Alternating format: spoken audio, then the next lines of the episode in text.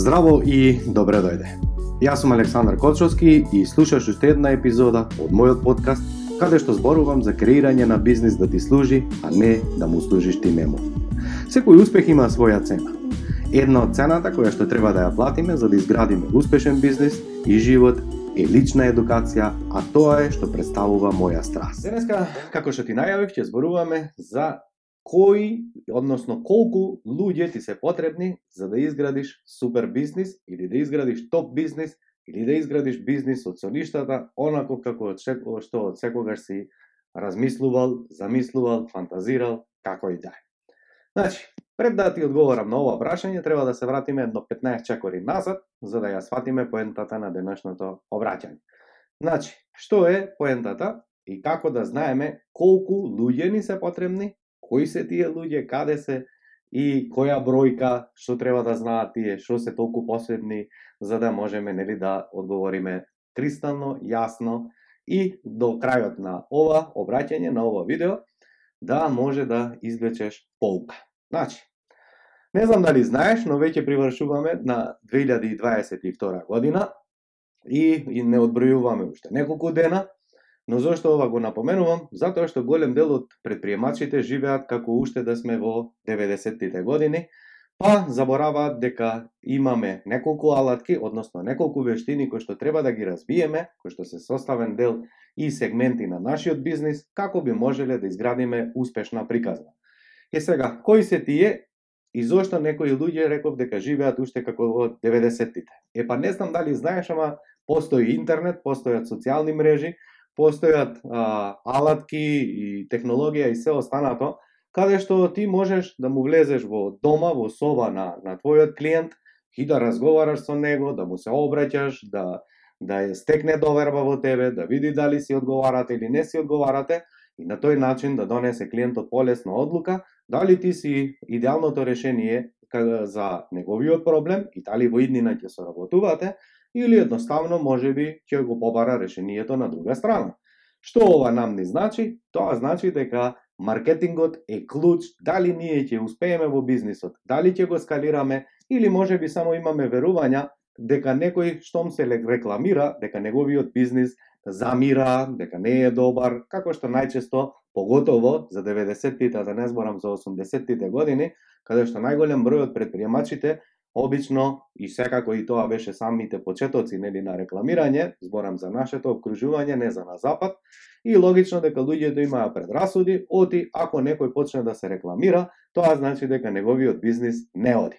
Е сега, зошто велиме дека толку е важно и, и маркетингот? Затоа што денеска види, многу едноставно да добиеш нечиво внимание, ако ти му даваш и му пласираш корисни информации, информации кои што ќе му помогнат да пронајде решение за својот проблем, дали ти ќе му одговориш или не, воопшто не е битно, најважно е што луѓето ќе можат да знаат што работиш, како работиш, кој на кому ти помогаш, за кого ти е бизнисот, која е твоја идеална публика, значи ќе имаат прилика како никогаш досега да дознаат. Е сега, ти бираш дали ќе отвораш дуќан и само затвораш или се надеваш дека некој ќе ти тропне на врата да побара твоја услуга, или може би ќе тропаш од врата на врата па ти да тражиш услуга, има и такви бизниси кои што и денес постојат, поготово во Америка, нели door to door се вика таа активност, каде што идеш на масовни бројки и не знам, се качуваш на седми и слегуваш од седми до приземје и ги поминуваш сите станари да не им треба стан за изнајмување, дали им треба пегла, лонци, шерпи, тенџериња,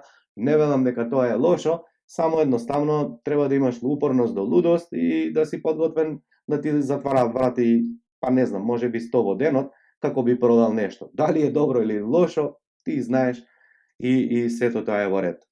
Е сега, што нам па од друга страна ни овозможува маркетингот? Тоа ка ни овозможува да наместо ние чекаме и се надеваме дека некој денеска ќе дојде кај нас во објект, не знам, во канцеларија, да побара наша услуга, ние можеме да направиме предпродажба или приселинг, како што американците убаво го спакуваат од вазбора, каде што однапред даваш вредност, однапред им даваш корисни информации на луѓето, па може би во овој момент се уште е рано да донесат одлука, може би не се свесни за проблемот кој што го има, може би не им зоврело до толку до таа мера дека мора баш сега да го решат проблемот, но кога и да посакаат да го решат тој проблем, ќе знаат на кому да се обратат. Што значи, навреме си вложил енергија, навреме си дал информации, да кога ќе созрее тој проблем, односно кога ќе биде клиентот подготвен да донесе одлука да соработува со тебе, само едноставно ќе му текне на тебе и ќе ти дојде како подготвен, како едуциран оти. Оти сега завршил еден куп предходно работа и сега тој ти е едуциран, тој ти е подготвен, само ќе разговарате за детали, оти довербата ја има, информациите ги има, и има вредност која што предходна си му дал и вие соработувате као луѓе, без глупи прашања дали може попуст, дали ќе успее, со кого вие работите, дали ова е за мене, значи сето тоа предходно си го сработал супер. Е сега, што тоа значи? Дека во твојот бизнис, ако сакаш да ти успее во 2023 да го преокренеш и да работиш помалку, а не као луд под 16 сати на ден, туку 9 часа во неделата, тоа еден од клучот е да пронајдеш клучен човек за маркетинг. Зошто е битно? А веќе ти објаснив сосема доволно, затоа што Види, маркетингот можеш да го платиш или со пари, или со време, како се во животот, нели? Ако имаш пари, започнуваш бизнис, а ако немаш пари, се вработуваш, заработуваш, па започнуваш бизнис. Буквално и со маркетингот. Ако имаш пари, имаш лид магнети, имаш фунели, имаш продажни скрипти, страници, чуда, значи милион облици. Ако немаш, пали камера, збори, колку сакаш, што сакаш, давај вредност и тоа е единственото што мораш да го направиш. Не мораш, ако сакаш можеш да го направиш. Вчера дискутиравме дека ништо не мора и ништо не треба. Ако чувствуваш ти желба и задоволство тоа да го правиш, не мораш да трошиш пари, само дели шапом и капом корисни информации. Следен човек кој што ти е исто така битен, а ќе го вржем со вештините кои што тој човек треба да ги има, а тоа е, брате мој, јавен настап. Е сега, што е интересно кај јавниот настап, според светските истражувања, на прво место, број еден на причина за стрес или најголем стрес кој што го имаат луѓето е јавен настап. Што значи тоа? Дека они радо Помбаргу би умреле од и страф од смрт на четврто место, порабаргу би умреле отколку да се бави со јавен настав. Па сети се само како ти се тросеа нозете во училиште кога ќе те прозвеше учителката, наставничката, професорот, да одговараш на домашна пред твои соученици, а замисли како е изгледа да ти држиш, не знам, продажен тренинг, да продажен разговор, а, не знам, да презентираш идеја, да скупи, да, ова, да презентираш можеби и твоја а, да лансираш нов производ каде што треба да добиеш можеби инвестиции, што значи а, да се обратиш пред инвеститори, а, можеби тој јавен настап и ова што го правам сега исто така делот јавен настап, Што значи, ако сакаш да успееш во 2023 и сите години натаму, ќе мораш, не мораш, ќе би требало да се да научиш да да се престрашиш и, и да го решиш тоа и да се стекнеш со вештина за јавен настап. Ова е твое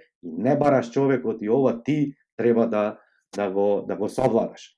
Океј, одиме кон следната, а тоа е следната вештина е продажба. Зошто е важна продажбата?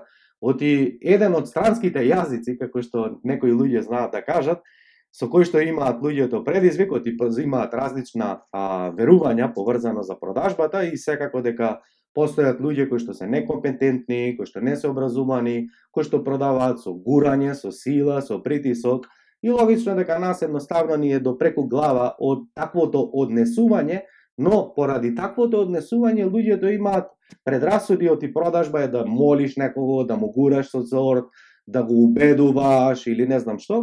И најчесто луѓето кога ќе ги прашам како оди продажбата, па ние немаме човек во продажба, па кој тоа го прави, па никој, па не знам, па ова, па Е, па не знам дали знаеш, ама во деветте сегменти на секој еден бизнес, без разлика со што се бавиш, еден од нив е и продажба. Значи, Ако сакаш да ти успее бизнисот, ако сакаш да скалираш, ако сакаш да заработиш пари, мора, треба, не мора, не треба, би требало да научиш перфектно за продажба, но не продажба како што ти ја гураат под нос, туку продажба вредна за денешно време, оти луѓето се менуваат, не можеме да изгледаме и да звучиме како сите аматери, што значи дека продажбата е исто така вештина која што се учи, но никој тебе на училиште не те научи за продажбата, Никој тебе на училиште не те научи како се заработува пари, како се води бизнис, како се разговара со луѓе и логично дека резултатите не се такви какви што се. Но сепак постои решение и за тоа.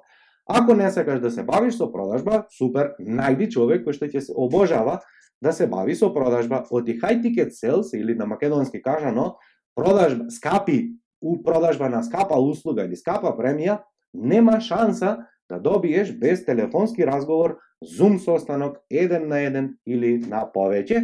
Оти на интернет можеш да продаваш по 5, 10, 100 евра, но за да некој го одврзе својот новчаник да потроши 2000, 5000, 10000 евра, може би месечно или еднократно, тоа не можеш да го направиш доколку не маш чин јасен на продажба. Што е high ticket sales и како се прави сето тоа, како се креира неодолива понуда, тоа ќе го разговараме во некои идни видеа, е гломазна тема. Сега за сега, запамти дека е битно маркетинг, запамти дека е битно јавен настап и запамти дека е битен, битна продажбата. Следно што ти е важно за да го скалираш твојот бизнис е регрутинг. У, колку ќе се лутат сега кога ќе слушнат луѓето регрутинг, па ја не сакам да регрутирам, па ја не, а, а, собро. Ајде да видиме што е регрутинг и од каде започнува сето. Не знам дали знаеш, ама сигурно барем еден напревар се гледал во животот на Барселона, на Реал Мадрид, на Лион или на било кој еден фудбалски клуб. Епа, а, сите тие клубови навреме го научиле ова сега што ти го зборам и имаат луѓе професионалци кои што се бават со регрутинг.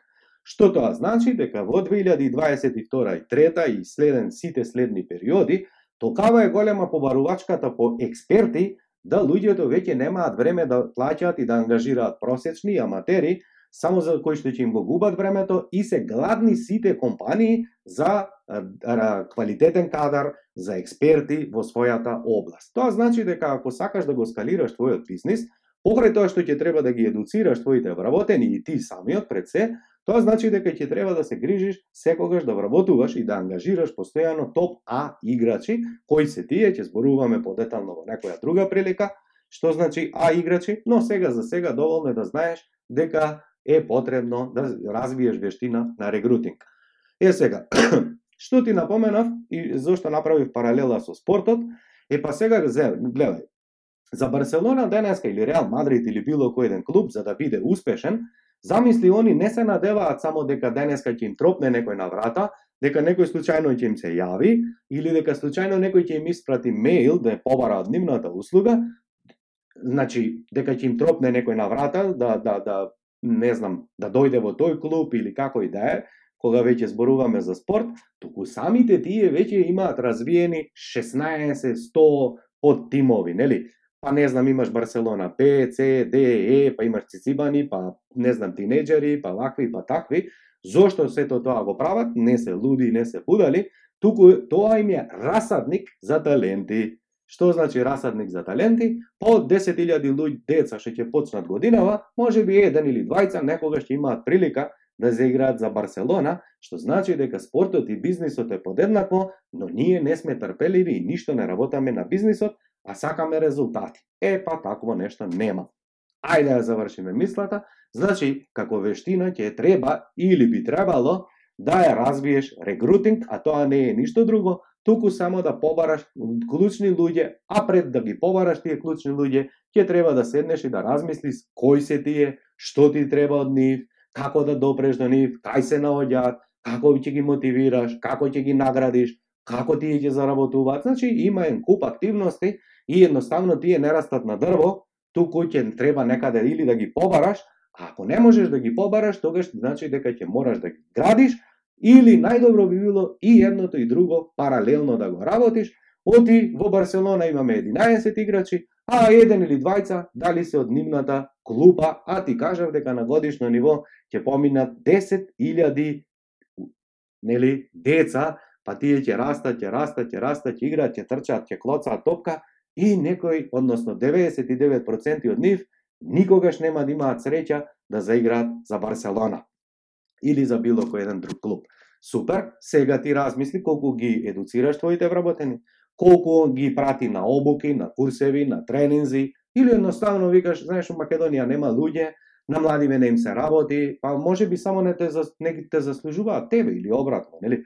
Ако така размислуваш. Оке, одиме следно, а која е таа вештина? Тоа е sales copy. О, што е ова сега? Е па sales copy не е ништо друго, туку Кој пишуваше лектира у шесто оделение, како го поминав летниот распуст, и наставничката ти стае двојка и ти се репаше супер, е ова е истото, само овој пат сега ќе заработуваш цел живот од тоа. Или у превод, како ти преку едно продажно писмо кое ти стои на веб-сайт, кое ти стои по фунели, по било на која страна, оти не заборавај 2023 сме уште за некој ден, и имаш можност да генерираш лидови, да ти доаѓаат регрути и се останато истото да го правиш преку интернет, наместо да тропаш на врата, абе да сакаш ти да работаш, А бе тебе да ти треба работа, А бе ти да не си за мене, е, истото можеш да направиш и преку интернет. Значи, не мораш ни да пари да трошиш, веб страна имаш нула цена, хостинг имаш нула цена, буквално се имаш на нула, барем она фаза аматерска да се пресрамиш и да се престрашиш да ја направиш тоа совршено, ако ништо друго не заборавај, имаш социјални мрежи, так документцето она што го стиснав јас пред 10 минути и цепи брате мој, збори она што го сакаш. Секогаш ќе постои публика која што ќе е подготвена да те слушне, оти ако ти постоиш да пренесеш информација, 100% од другата страна има некој кој што сака да те слушне. Значи, продажно копи. Што е продажно копи? Освен ако да влезеш у глава на твојот идеален клиент, да му објасниш ни 101 цел систем, кој што се прави, у 7-8 чекори обично, како тој ќе те доживее, што му треба, што размислува моментот, кое решение го бара, па мораш малку да размислиш дали на кој тип на луѓе се обраќаш, дали кој што има проблеми бара решение или кој што има проблема не бара решение, бара информации, значи малку ти треба да се поиграш и со маркетинг и на тој начин знаеш на секого што да му објасниш, како да му објасниш. Е, сега што ќе зборуваш во тоа писмо? А ништо, многу едноставно. Ако ја знаеш која ти е публика, ако знаеш кој ти е делен клиент, ако знаеш кој проблем има, ако знаеш како се чувствува во моментот, Ако знаеш како ти да му го решиш тој, е, само тоа истото го пишуваш, но како да му се обраќаш нему, односно како еве сега јас имам замислено кому му се обраќам и му давам информации, дали тоа ќе допре до сите вас? Не, ќе допре до оној кој што засметам јас дека е мој идеален клиент, останатите ќе добијат информации, ќе слушнат нешто окей или не окей, некои од тие што ќе слушнат нешто ќе применат, некој нема и тоа е сосема во ред. Резиме, Зборувавме за петте вештини кои што ќе ти требаат ако сакаш да успееш во животот и во бизнисот. Ајде само да се подсетиме и ќе ти кажам колку луѓе ти се потребни за да успее твојот бизнис. Значи, петте вештини беа следни. Првото беше маркетинг, второто јавен настап, третото беше продажба, четвртото беше регрутинг и петтото беше продажно копи или селс копи. Значи, сега колку луѓе ти се потребни за во твојот тим и во твојот бизнис. Види, можеш ти да имаш 15 вработени, можеш да имаш и 90 вработени, може да имаш и 1500 вработени, а види, може и да немаш ни еден, може сите да ти бидат хонорарци на договор или како и да. Денеска овие интернет компании или кои што работаат онлайн, па они не се ни знаат меѓу себе, ниту се гледаат, функционираат онлайн безпрекорно и немаат ни физичка просторија и сето тоа си функционира перфектно. Значи, што ти колку луѓе ти требаат? Е, Сега доаѓаме до чинот. Еден човек ти треба за оператива. Што значи оператива? Сите работи кои што ги правиш во бизнисот, а не се гледаат. Дали е тоа програмирање, фронтен бекенен дали е тоа, не знам, контент writing, дали е тоа SEO, дали е тоа, а, не знам, анализа на производи, дали е тоа креирање на, на, на услуги, дали е тоа, што и да е. Значи, она што го работиш, а не гледаат луѓе. Појба нема што работиш, ти ама нешто твориш, за да произведеш како резултат. Значи, замисли го бизнисот како, а, како фабрика, без разлика кој бизнис го имаш. Значи, од една страна треба да влезат импути, тоа истото да го обработиш ти и тимот и да, да извадите аутпут, така? Односно, да извадите резултати. Е, она внатре што се гледа, као, оперативна, као оперативна сала, кај што еден пациент влегува, друг излегува, а оно е она му у шок соба, никој ништо не го гледа што работи, тоа е оператива. Супер. Значи, еден ти треба обавезно кој што ќе биде фантастичен оперативец, но не ти, ти си предприемач. И тамо паѓаат најчесто. Јас сум бил бравар и сега ќе работам бравар. Јас сум програмер, па ја компјутерот го држим како играчка моја. Не, не, не, не. Ти најди друг некој, ти имаш други задачи. Значи, тебе ти треба јавен настап, тебе ти треба рекрутинг, тебе ти треба продажба за high тикетс, нели? Нешто друго ти треба. Да. Супер. Сега одиме третиот, вториот човек кој ти треба. Вториот човек е кој што ти треба е продавач. Воу, замисли продавач ми треба. Е, да, продавач ти треба, ама некој оние досадни нешто се. Добар ден, како можам да им помогнам? Никако, како можеш да им помогнеш? добар ден, повелете, значи што да повелем? А, како можам да ве услужам? Никако. Е, ве молим, престаните да зборите исти речник, кој што однапред знаеш дека исто ти се понашаат, то ти 100 да денеска ќе влезат у дуќан и ти на стоите стоја ми кажеш како можам да им помогнам, гледаш дека ги преврти очите секој втор, па само смени ритам. Ај малку подругу. Нели? Супер. Значи, некој продавач кој што ќе знае кој е идеален клиент, кој проблем решава, како се разговара со клиентите, како се решаваат изговори, кои процеси стојат позади чинот на продажба, е, тако кој ќе најдеш или ќе го изградиш, у тој момент имаш high ticket sales и буквално што сакаш продавај, техниката е иста, оти секој еден продажен разговор почнува и завршува идентично. Што и да продаваш е идентично. Најголем дел луѓето кои што доаѓаат на обуки за продажба, кога ќе им кажам на почетокот дека секоја продажба е идентична, обично викаат не, не, нема шанса, а подоцна кој ќе ја разградиме цела како чекор по чекор, се им е јасно и се викаат, па зошто до сега мора фолва? Па можело и ова, па можело и тоа. Е, можело. Сега одиме кој е тој трет човек? Е, па трет човек ти е маркетинг. Зошто маркетинг? Е, па види, ако ти не го тераш тој цел систем, тој на маркетинг, а реално дека не можеш, може да можеш да се играш на почеток, ама маркетингот не е внука ти да стае слика, не е син ти да оне мајсторо малат го бидуе на таблет, туку маркетинг е цела наука, брат. Не знам да знаеш, бидејќи Идентично како што ти си станал експерт у твојот бизнис и ти требало 5-10 години да станеш програмер, да станеш не знам што, исто му треба и на тој маркетер 4, 5, 10 години да стане он искусен, да знае што треба, да знае кои бројки брка, да знае како да ти помогне и се останато, нели?